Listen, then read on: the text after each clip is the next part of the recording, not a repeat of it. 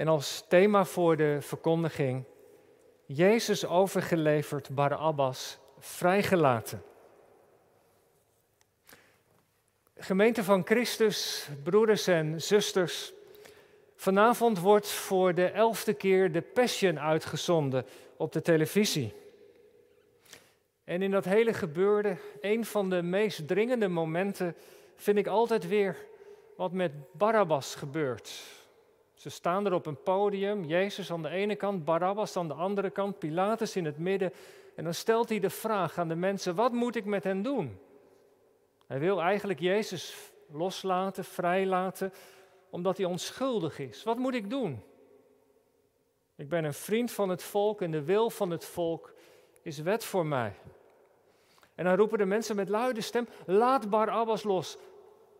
Ja, maar wat moet er dan met Jezus gebeuren? Kruisig hem. Kruisig hem. En bij de Passion wordt die tekst dan op grote schermen geprojecteerd en de mensen die zitten te kijken uitgenodigd om dat mee te schreeuwen. Ik vind het altijd weer een heel huiveringwekkend moment.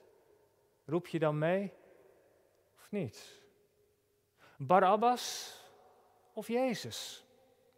Dat is de keuze waar de mensen in Jeruzalem voor staan. En die vraag van Pilatus zet eigenlijk alles op scherp. In feite is dat de vraag waarin het hele Leidersevangelie over gaat. Waar sta ik? Sta ik aan de kant van Barabbas of aan de kant van Jezus? En tussen die twee zit een wereld van verschil. Lucas vertelt zo in het evangelie op hele indringende wijze wat er allemaal met Jezus gebeurt. In de laatste dagen, de laatste uren van zijn leven. Na zijn gevangenneming is hij naar de Joodse raad, naar het Sanhedrin gebracht. Vervolgens voorgeleid aan Pilatus. Pilatus weet niet goed raad met Jezus en stuurt hem naar Herodes. Maar Herodes wil zich er niet aan branden en stuurt hem weer terug naar Pilatus. En ondertussen wordt de situatie steeds dreigender. Joodse leiders voeren de druk steeds meer op en Pilatus is bang. Stel dat ze in Rome horen dat dit allemaal gebeurt. Hij was namelijk aangesteld over Jeruzalem om de Joodse zaken te behartigen en de rust te bewaken. Dit loopt helemaal uit de hand. Dat gesol met Jezus, schuldig, niet schuldig. Niemand wil zijn handen eraan brengen, het is chaos. Een politieke klucht. Laat hij het recht vieren? Maar deze man heeft helemaal niets onbehoorlijks gedaan. De aanklachten kloppen niet, ik vind geen schuld in hem. En tot drie keer toe lezen we dat Pilatus dat tegen de mensen zegt. Of geeft hij toe aan de wil van het volk? Die willen dat Jezus gedood wordt. Wat moet hij doen?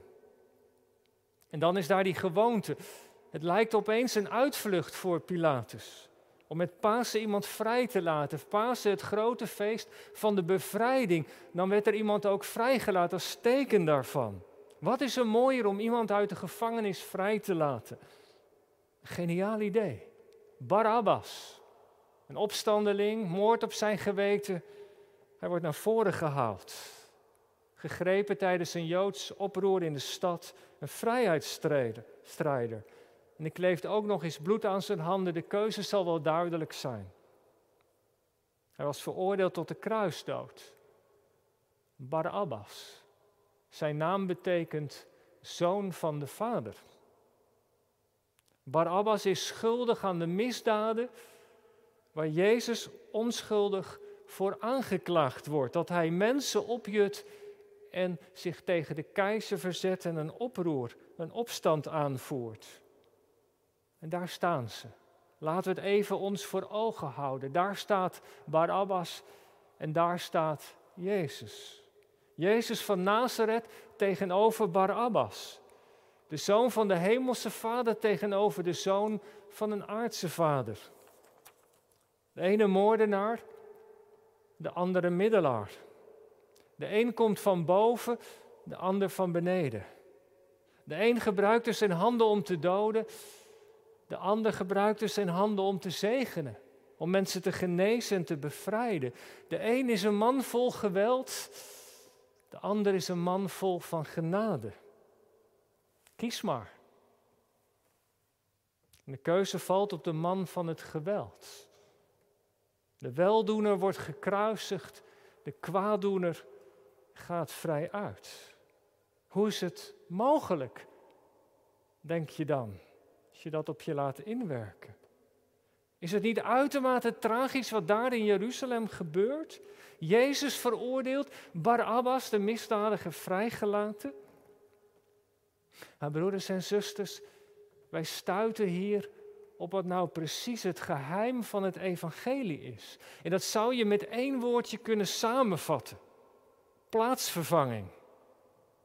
Jezus neemt de plaats in van Barabbas.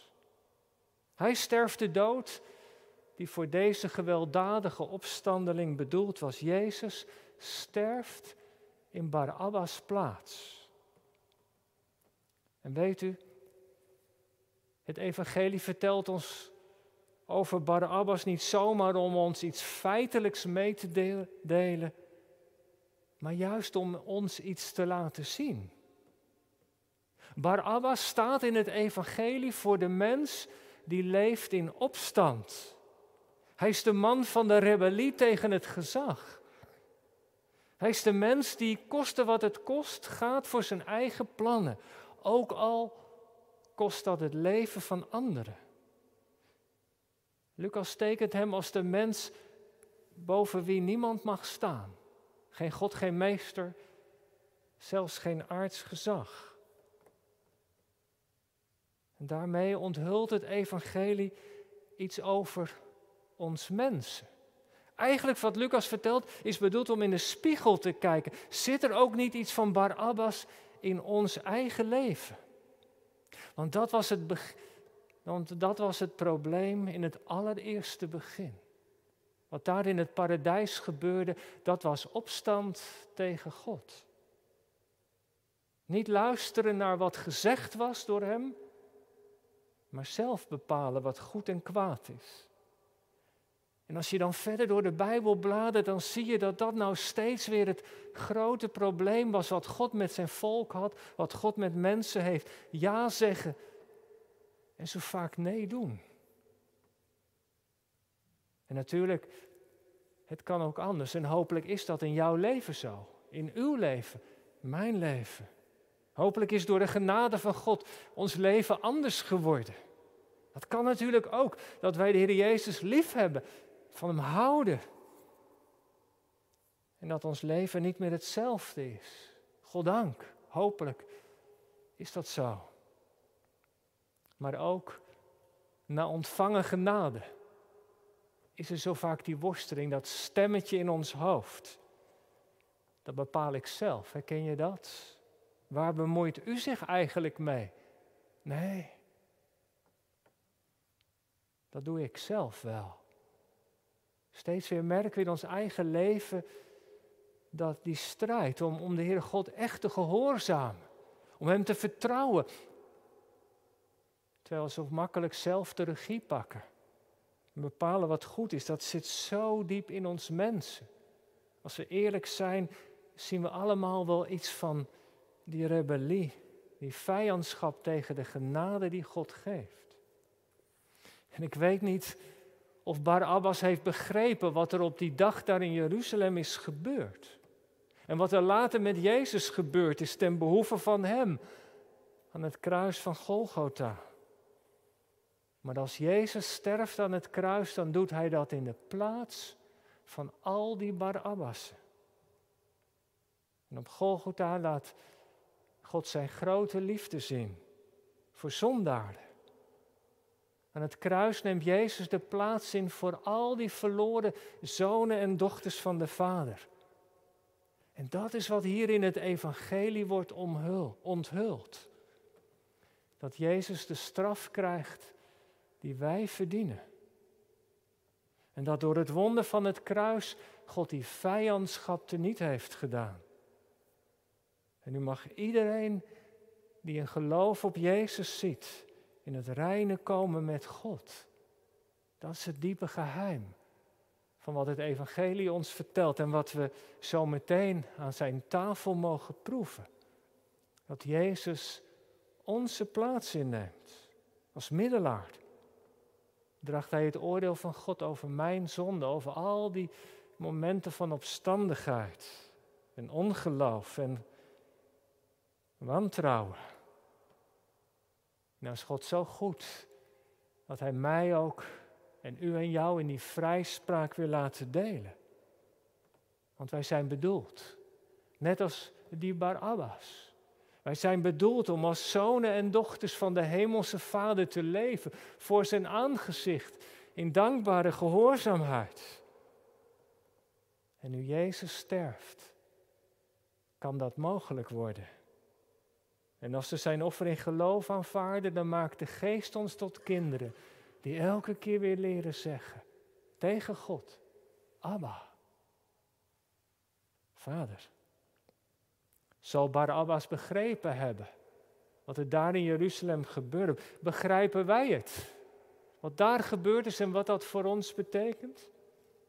Er is een dichter, Amaria, schreef een gedicht over Barabbas. Een lang gedicht ik lees een paar coupletten. En de laatste coupletten gaan zo. Dan ziet Barabbas Jezus staan met een krans van doornen op. Deze komt voor jou aan het kruis, heeft de cipier gezegd. Jij bent als je wilt vanavond nog thuis. Aan deze voltrekt zich het recht. Hij dringt wat meer naar voren en vraagt die naast hem staat: Wat deed hij, die man, ondervraagt voor kwaad. Wat deed hij, die man? Ondervraagt voor kwaad dat hij sterven gaat? Dat is Jezus van Nazareth. Die komt verdiend aan zijn eind.